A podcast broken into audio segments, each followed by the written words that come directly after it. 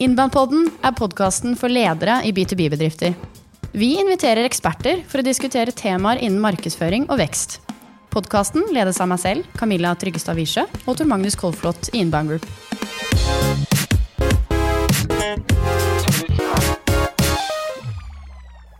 I dag skal vi snakke om hvor viktig det er å være synlig på Google hvis du er en BTB-bedrift. Eh, vi har med oss eh, en av de aller fremste ekspertene på SEO og synlighet til Google eh, i Norge.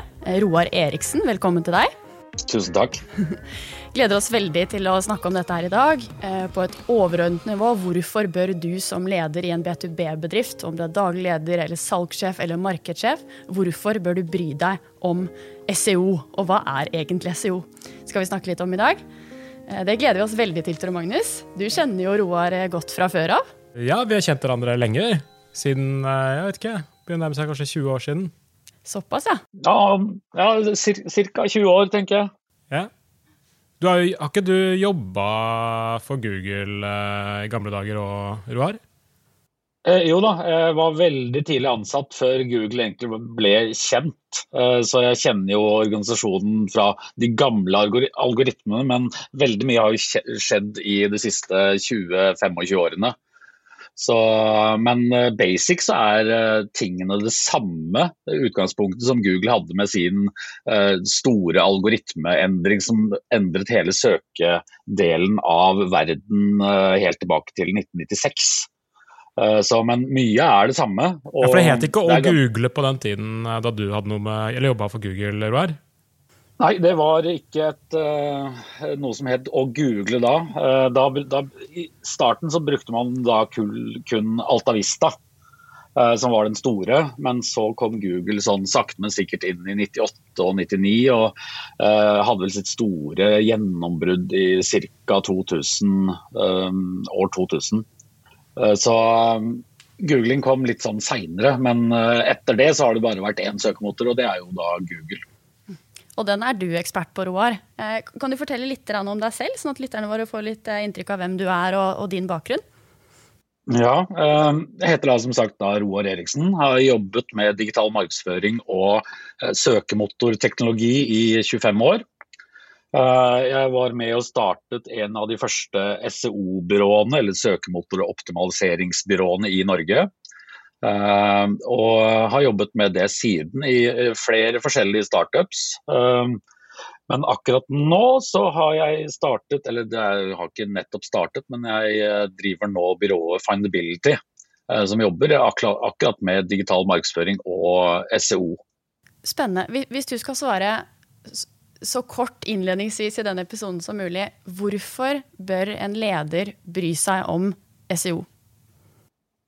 Det er fordi at uh, alle tanker eller kjøp eller intensjoner og innhenting av informasjon starter med et søk i Google. Uh, noen analyser sier at ni til ti henter informasjon på Google før de søker, men jeg tror det er nesten ti av ti, slik vi ser på de analysene vi har. Eh, så det er helt vesentlig å være synlig i da, verdens største søkemotor. Eh, og du, du kan tenke deg at 55% av all verdens internettrafikk kommer fra uh, Google organisk søk. Da. Det som da er ikke betalt. Uh, det er jo da annonser, det, det, er noe helt annet. Men organisk søk, gratis trafikken, 55% av all verdens internettrafikk. Det forteller viktigheten av den kanalen. Så det er, eh, selv om mange glemmer det, så er det den viktigste kanalen. Og vanlige norske bedrifter, eh, Roar, små og mellomstore, liksom volumet av norske bedrifter, eh, hvor gode er de på å på måte bli synlige på Google i dine øyne? Det, det, har, det, har, blitt bedre, men de har fortsatt mye å ta hensyn til, siden fagfeltet er såpass stort og omfattende med tanke på hvordan Google rangerer deg og alt sammen.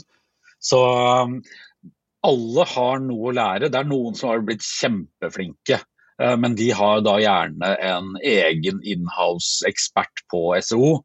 Da kan vi ta f.eks. Elkjøp. Kjempegode. Power. Kjempegode. Komplett. Kjempegode. Men Små selskaper er ikke så gode fordi de har egentlig glemt den delen av markedsføring. Da. For Jeg kaller det markedsføring, jeg kaller det ikke søkemotoroptimalisering. Jeg liker faktisk ikke ordet søkemotoroptimalisering, jeg kaller det for brukeroptimalisering. Det betyr at da brukeren eh, eller at vi tilgjengeliggjør alle våre data der brukeren til enhver tid er. Og det er da brukeroptimalisering kommer inn istedenfor ordet søkemotoroptimalisering. Så det, det, er veldig veldig mange som har veldig mye å hente uh, med å jobbe strategisk med uh, eh, SEO eller brukeroptimal, uh, brukeroptimalisering. Mm. Vi er litt inne på begreper her. Du nevnte litt, litt i stad forskjell på organisk synlighet i Google og betalt synlighet. I denne episoden skal vi snakke om organisk synlighet. Eh, altså det man ikke betaler for i annonsekroner. Eh, bare litt sånn først man, Vi prøver å gi lytterne være en forståelse av hva SEO egentlig er. Det er et ganske komplekst område, og sikkert folk som sitter nå med litt sånn ulike oppfatninger av hva det egentlig er. Eh, selv om du ikke liker akkurat det ordet, kanskje. Jeg er nødt til å bruke ordet, siden alle andre bruker det. Det er jo bare jeg som snakker om brukeroptimalisering i hele verden. Så, men det er da fortjent trafikk. At Google analyserer deg og de sier at nei, han fortjener en plassering i det organiske gratisdelen av Google. Men eh, vi må også ta med i den saken at man da slåss mot eh, absolutt alle andre interne ting som Google, mål, eh, som, som Google presenterer. Eh, de presenterer da f.eks. annonser. Eh, det står for de da tre til fire øverste treffene i et søkeresultat. Og så kommer Google Local, eh, og så er det videoer, og så er det Google bilder og alt sammen. Så hvis man ikke gjør det her riktig, så kommer man faktisk, selv om man har førsteplass på det organiske resultatet, så kommer man faktisk ganske langt ned eh, i søkeresultatet når man gjør et Google-søk. Men der har vi en ganske morsom sak som vi har analysert da, sammen med Rand Fishkin, som starta mos.com. Eh, og det Google også har analysert, er at faktisk at 80% av klikkene i et Google-resultat kommer til det organiske. Og kun 20% på andre tjenester eller annonser. Så eh, den gratisdelen av Google den står fortsatt for de fleste klikkene. Ja, 80 Så, sa du, Roar? 80 klikker på gul?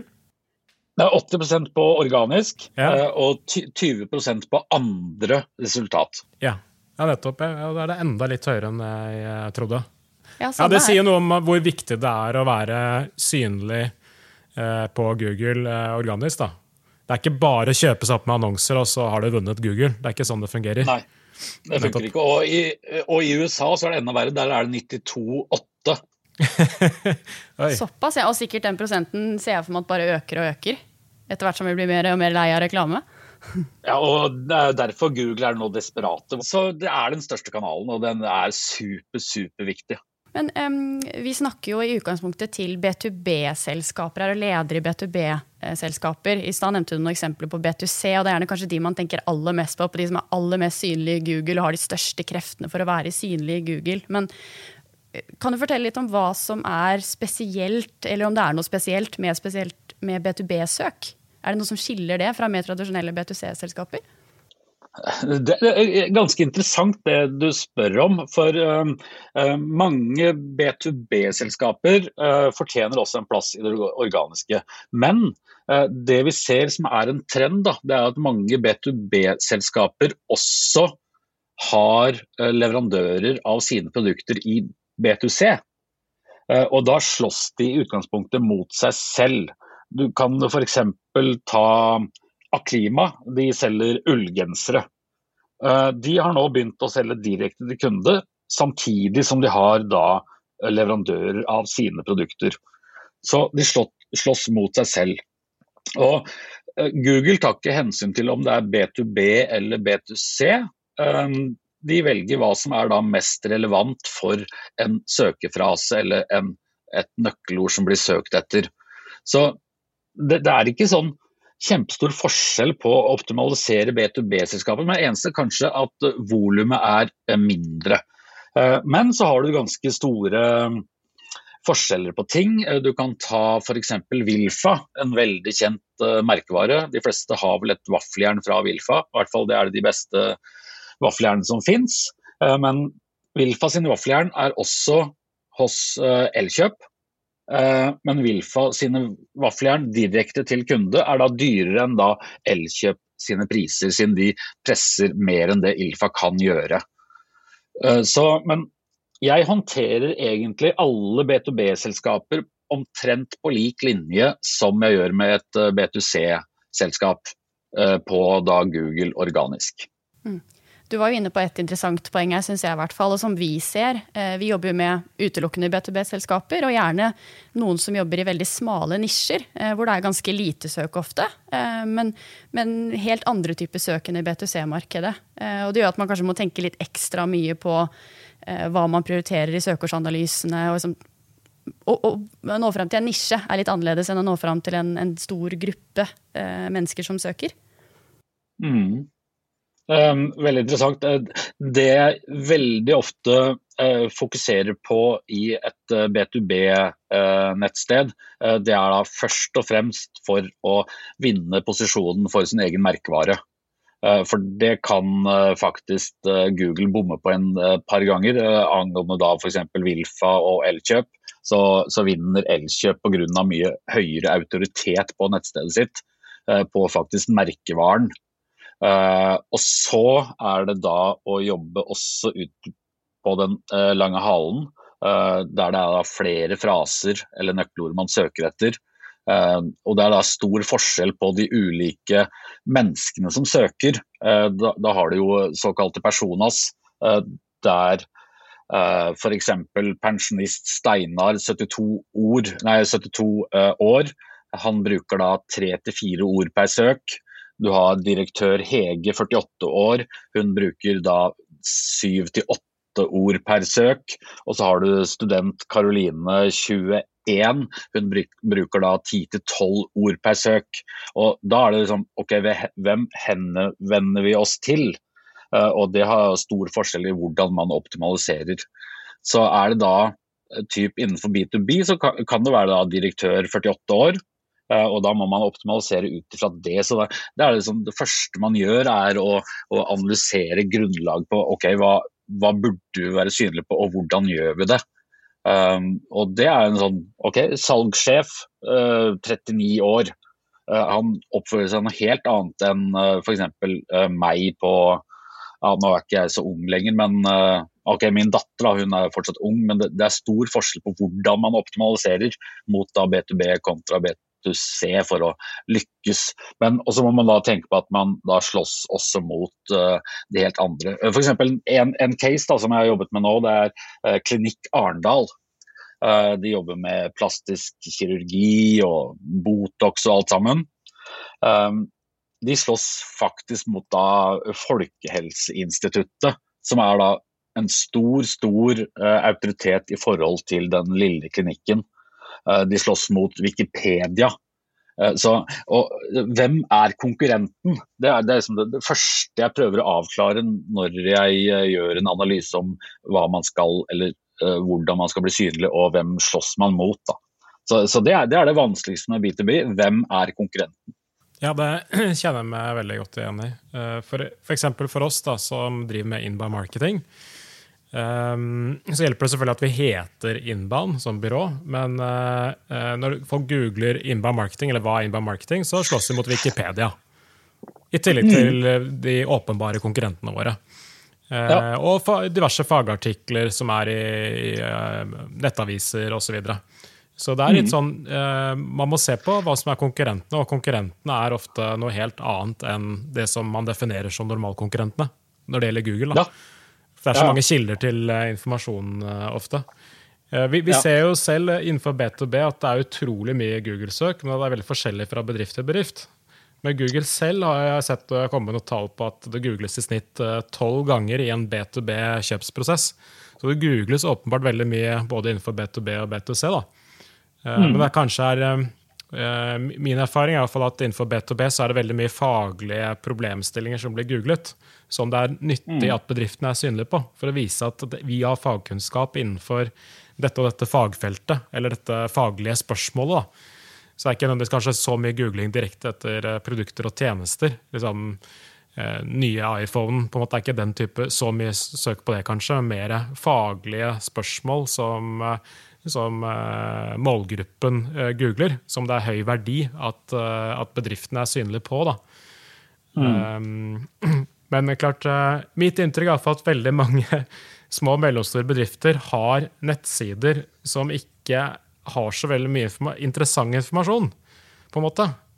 altså De beskriver ja. kanskje ikke tjenestene deres godt nok og verdien av det, og, og har kanskje ikke så mye faglig eh, innhold eh, og vise frem kompetansen og svar på de spørsmålene som eh, kundene har der ute. Så at, har, at et stort flertall av særlig SMB, B2B-bedrifter, har et kjempepotensial for å øke synligheten sin på Google. Da.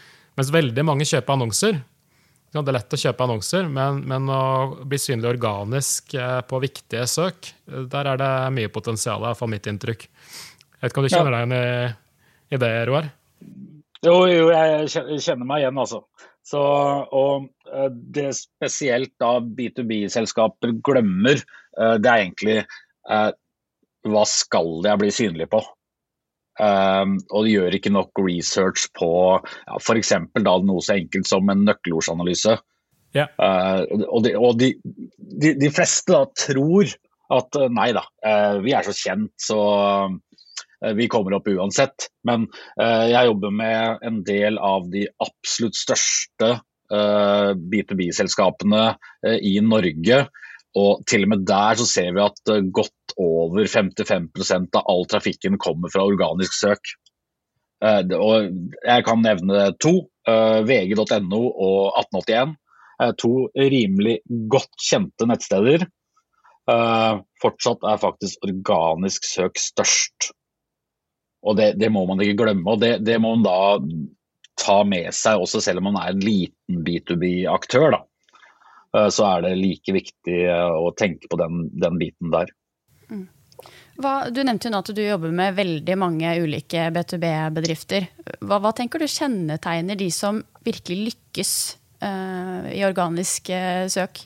Oh, det, er, det, er, et stort spørsmål. Mm. Er det noen fellestrekk eller noen på en måte du, du kjenner igjen? Ja, problemet er at uh, jeg har vel ennå ikke klart å funnet fellesnevnere på f.eks. For ti forskjellige BTB-kunder. uh, eh, fordi at alle er så ulike i sin natur. Uh, du kan f.eks. ta Komplett bedrift, som slåss da mot komplett.no. Hvem, hvem, skal vinne der? Det er samme selskap, men to forskjellige målgrupper. Og kanskje mye av de samme produktene? Det er akkurat de samme produktene. Det eneste, e, e, eneste er at uh, bedriftsproduktene uh, koster mer enn uh, B2C-produktene. Mm. Så, så, den er jo Men det er kanskje spesielt. Men det er, liksom, det er case til case, og da må man jobbe ut ifra det.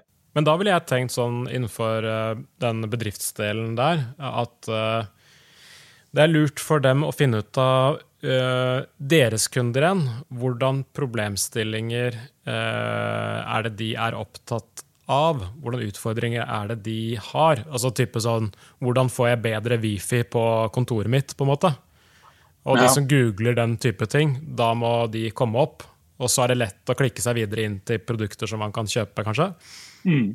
Så, så kundereisen er litt annerledes uh, på B2B enn det er på B2C. Mm. Og den er jo veldig um, ofte gjerne veldig mye lenger også, og involverer langt flere beslutningstakere i den prosessen. Du var litt inne på ja. det i stad også, så jeg tenker altså at det, det, ser vi i hvert fall, at når vi jobber med SEO, så må vi ta høyde for så utrolig mange målgrupper som har ulike eh, kjøpsreiser, ulike problemstillinger og utfordringer for å ta det kjøpet. Da. Um, og det er litt mm. av det som generelt sett gjør B2B mer komplekst. Uh, og som gjør at uh, særlig også inbound er en god måte å jobbe på. Ja, for Kanskje er det tre ja. stykker som er med og vurderer Er med involvert i en kjøpsprosess da, innenfor B2B. og de tre gjør diverse søk på Google i løpet av kjøpsprosess. og tidlig en kjøpsprosess hvor de ikke har skjønt hva de skal ha av eh, løsninger og produkter og tjenester, så googler de kanskje noe helt annet enn i sluttfasen, når de skal vurdere én leverandør mot en annen leverandør. da. Mm. Så det er litt sånn Det bare slår meg at det er utrolig viktig å være synlig på veldig mye forskjellig hvis man på en måte skal være godt synlig organisk på Google, så er det ikke liksom, det holder ikke å være synlig på et par søkeord og firmanavnet ditt. Nei. man må liksom skjønne hva, hva er det kunden der ute egentlig lurer på gjennom hele kjøpsprosessen. Og være synlig på en rekke ting. da. Og det er litt, sånn, det er litt krevende jobb, og litt, kanskje litt ressurskrevende. Uh, så, men hva tenker du, uh, Roar, i forhold til sånn, uh, å jobbe sånn mer teknisk i forhold til å bli synlig på Google? Teknisk SEO kontra lage innhold for å, å, å, være synlig på det? Ja, um, teknisk med, med, OK, Google måler deg i dag på ca. 220 forskjellige signaler som du må oppfylle for å få god synlighet. La oss gå gjennom de 220 i detalj nå. en episode på hver. ja, vi, vi, vi, tar hele den i dag. Eh, men uh, kort fortalt så er jo grunnstenen i Google sine algoritmer er det, det tekniske. Google må forstå deg. Og den står for uh, ja, la oss si sånn ca. 15% av Google sin algoritme. At uh, Google klarer å indeksere deg, han forstår innholdet. Du har mikrodata f.eks. Uh, uh, har du f.eks. veldig mye duplicate content pga. den tekniske løsningen. Så den tekniske biten er grunnsteinen. Funker du ikke teknisk, kan du bare glemme alt annet uh, med tanke på ok, vi har veldig bra innhold, men funker ikke det tekniske? Det hjelper ikke å ha godt innhold. Uh, det hjelper ikke å ha masse inngående lenker f.eks., eller uh, noe som helst hvis ikke det tekniske er på plass. Så, det må være på plass. og Da må man ha en god teknisk plattform. og man må gjøre de tekniske tingene som Google krever for at du skal bli godt indeksert. Og Da kan du fortsette da med innhold som står for ca. 30% av algoritmen til Google. Mm. Nå er det sikkert mange, nå kjenner jeg også litt at jeg ble litt sånn nervøs hvis jeg er en leder der ute og man begynner å snakke om disse tekniske plattformene. Hva betyr det egentlig? Er det noe man har muligheten til å gjøre selv, eller hva, hva ligger egentlig i disse tekniske plattformene eh, du nevner? Ja, eh, Det første er å velge et godt CMS, eh, publiseringsløsning. Content Management System. Eh, og Da finnes det gode CMS-er, og det finnes dårlige. F.eks. hvis du skal gjøre det ordentlig eh, bad, så kan du velge Wix eller Squarespace. Uh, da går det ordentlig gærent. Eller du kan bruke da Wordpress eller f.eks. HubSpot. Der HubSpot er jo litt mer enn en CMS. Men, og du kan f.eks. velge Episerver, men det kommer an på her kost-nytte. Men 35% av alle verdens nettsteder er basert på Wordpress. Og det funker sånn i utgangspunktet bra uh, mot Google sine algoritmer. Hvis det er skrudd sammen riktig, da. Så her må man, man, man må ha gode venner, eller kollegaer, eller leverandører som hjelper deg de, de første 15 Og det, det, er ikke rocket science i det hele tatt. Google sine retningslinjer er klare og tydelige, og det er lett å finne svakheter som man eventuelt må da utbedre. Så, men bare få den grunnleggende på plass, og da kan vi snakke om det som er det faktisk viktigste. Det er 'content is king'. Uh, og ha korrekt innhold. Og der, der bommer overraskende mange. På nummer to i kravspesifikasjonen om digital synlighet, så står det du må gjøre en skikkelig nøkkelordsanalyse. F.eks. Jøtul er en gammel case som jeg tar med meg i hvert eneste foredrag jeg har. Jøtul kom til meg og sa at vi er ikke synlige på ordet peis eller vedovn. Det er jo det de driver med. Og så gjorde jeg bare en kjapp uh, innholdsanalyse av Jøtul. De nevnte ikke de to ordene et eneste sted, for de kalte det for ildsted. Og, og da, da, har du, da har du bomma. Så, og det, og det, er som punkt nummer to. Bli synlig på det brukeren søker etter. Uh, F.eks. Aklima de selger ullgensere, men de, de klarer de, de, Det nevner de ikke. men jeg søker etter ullgenser, eller ullsokker. Så det er kanskje det viktigste takeouten her, at du må bli synlig på det, de nøkkelordene brukerne dine benytter seg av. Og Der kan det være forskjell fra B2B til B2C, med tanke på hvilke nøkkelord som blir brukt. Så det er, det er en ganske interessant case å gjøre, da. Mm. Du nevnte jo litt i stad at det er veldig mange som bommer på kanskje det steget som kommer før der igjen, men det å finne ut hva er det du faktisk ønsker å være synlig på. Eh, og nå nevner du veldig sånn produktspesifikke søk, men kanskje også, eller ser vi i hvert fall, at det er veldig mange som eh, bommer fordi de klarer ikke å komme tidligere inn i den kjøpsreisen. Da. Hva er det folk søker på kanskje før de søker på ullgenser, eller før de søker på vedovn eller eh, nytt regnskapssystem til eh, bedriften sin? Så, og da handler det jo mye om posisjonering og finne ut av hva er det du egentlig driver med, og hvilke temaer er det du ønsker å eie. Eh, og så ta utgangspunkt i det for å gjøre søkeordsanalyser, da. Eh, at kan, kanskje mange starter litt sånn feil i feil ende. Ja, og der, der, der kommer det også noe jeg eh, snakker mye om eh, når jeg møter kunder. Det er sånn generisk merkevarebygging. Eh, hvem, hvem, er det som da klarer generisk å uh, ta f.eks. førsteplassen på ordet forsikring? Uh, og det er, det er, noen bedrifter som klarer det.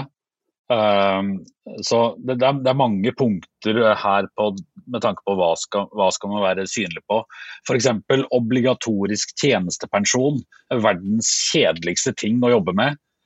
Men det er veldig mange som søker etter OTP, Eh, og de store er da gjensidige storebrann også, men eh, når man gjør undersøkelser, ser man faktisk at en liten bedrift som f.eks.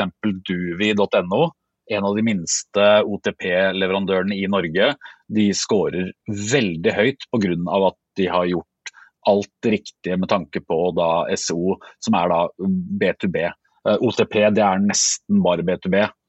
I hvert fall det man tjener penger på. Og Hvilken verdi er det for den bedriften da å komme som nummer én på det søkeordet, da, tenker du? Ja, Det er stor verdi. Ehm, de får masse henvendelser, eh, og da må de bare være konkurransedyktige på da eh, pris og alt sammen. Eh, og de tjener mye på det. Selv, selv da en bitte, bitte liten aktør som da Duvi i forhold til da mastodonten uh, Storebrand og DNB. Det er, gøy, det er gøy å høre at uh, også små aktører kan slåss mot de veldig store og vinne på Google. Det er jo litt gøy. Det bør være motiverende for mange å høre. Ja, eh, de, de, må bare gjøre det litt bedre enn de store. Og det vi veldig ofte ser også, er at de store har så mye feil. Uh, Eh, for der er det prosessene til å gjøre slike ting er såpass komplisert, og det er altfor mange involvert. og ja, Noen har en teknisk plattform som ikke funker, men det har de hatt, og de har betalt da mange millioner for å få opp en sånn løsning. Og så glemmer de det vesentlige. Og det er veldig trist å se på. Det er det jo. Ja. Nei, vi jobber jo mest med små og mellomstore bedrifter, men vi jobber jo med noen store innimellom. Uh, og være borti sånn at de, de sånn stiller 20 mann da, i en eh, workshop for å finne ut hvordan innholdet skal på nettsiden. Og klart, Da blir det litt tyngre å få ting i gang. på en måte. Så det er jo en fordel eh, for en liten aktør at man kan kaste seg litt mer rundt og være mer effektive. Og alle de 20 i det store selskapet de skal ha hvert sitt søkeord på forsiden. Konkurrere med hverandre. ja, ja, ja. Nei, ingen skal bli glemt, er det noen som sier når man Og det, det funker jo ikke. Alle skal med. Det funker, det funker ikke i det hele tatt. Mm. Du, Roar, vi begynner å nærme oss litt eh, slutten her. Jeg skal ta ett spørsmål før vi oppsummerer litt. Ehm, det er sikkert flere som lurer på det. Jeg har kjent litt også på for flere kunder jeg tidligere jobbet med. Passer SEO egentlig for alle? Og da tenker jeg spesielt på kanskje nye produkter og tjenester, nye kategorier hvor det er ikke noe søk. Satte jeg det helt på spissen, da. Men, men er det sånn at SEO passer for noen, men ikke for alle? Eh, jeg mener SO eh, passer for absolutt alle sammen, eh, hvis man gjør en god nok jobb. Nye produktkategorier. ok, Hvis du har et helt nytt produkt, så kan det godt være sånn Rescue Unit f.eks. Dere har sikkert ikke hørt om det i det hele tatt. De har en sånn boks som blir festa til krabbeteiner i havet utenfor Canada. der er hvis at bøyen blir da borte fra den båen som står over, så kan fiskeren finne tilbake til teinen sin via GPS. Her begynner vi å snakke ganske sære ting. Ja, Det er ikke et produkt man, som det er så voldsomt mye søk etter, kanskje? Nei, det er faktisk det er null. Eh, så da måtte vi være kreative for å få den opp. Hva søker man etter? Hvordan finne min krabbetegne? Mm. Og da gikk det som en kule, for det var mange som søkte etter. Mm. Det var helt nytt. Så man må være kreativ hvis det er noe som er helt, helt nytt. Men jeg vil påstå at SEO er såpass viktig at det passer for alle, eller det er viktig for alle. Mm. Bra. Vi kunne sikkert snakket enda mer om det også, jeg kjenner litt på det, men vi er nødt til å begynne å avslutte. Jeg har litt lyst til å spørre deg, Roar, hva, hva, er det viktigste du tenker at de som lytter i dag skal sitte igjen med etter å ha hørt denne, eh, denne episoden? Uh, det første er å sette seg et mål. Hva vil jeg bli synlig på? Så må man gjøre en uh, konkurrentanalyse. Uh, hva er det konkurrentene, eller Hvem er konkurrentene, og hva er konkurrentene synlige på? Det kan være noe helt annet enn det du egentlig tror. Så må man gjøre en nøkkelordsanalyse. Hva er det brukerne søker etter? Så må man ha en teknisk plattform eh, som er kompatible mot Google. Så må man jobbe med innholdsoptimalisering. Og så må man dessverre jobbe med det kjipeste innen eh, Google sine algoritmer, som kalles da eh, link popularity.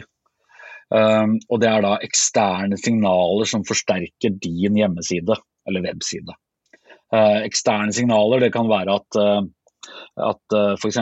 NRK skriver en sak om et eller annet selskap og linker til det nettstedet. Uh, den står fortsatt for en god del av Google sin algoritme. Og Google sin algoritme ble faktisk basert på dette her med eksterne signaler. Larry Page sa Eh, i sin doktorgradsavhandling og sa at jo flere innenfor samme bransje eller emne som linker til din side, jo bedre er siden. Eh, hvis ingen linker til siden din, så er siden dårlig. Eh, og Det er også det sosiale aspektet her inn, som har kommet inn i det siste, som er det da sosiale medier. Jo flere som snakker om deg, som engasjerer om deg i sosiale medier, jo bedre er det. Så, så det er da de fire hovedpunktene som man må jobbe med, som er viktig å få til. Men i utgangspunktet er det å gjøre brukeren fornøyd. Eh, jeg sier til mine klienter veldig ofte jeg kan gi dere én million nye brukere neste måned, men hvis ingen av de konverterer, så er det null verdi. Så til slutt så handler det om konvertering, eller at eh, kundene dine gjør det du vil at brukeren skal gjøre. Eh, og Det er derfor jeg kommer inn på dette med brukeroptimalisering. Søker jeg etter Wilfa vaffeljern, ok, hva vil jeg da? Jo, jeg har lyst til å kjøpe meg et vaffeljern for å lage vafler. Og da må de beste komme opp på topp, og, og gjerne konvertere slik at jeg kjøper da dette vaffeljernet. Så det er vel sånn de, de fire-fem fire, eh, punktene som uh, man skal tenke over. Men dette er komplekst.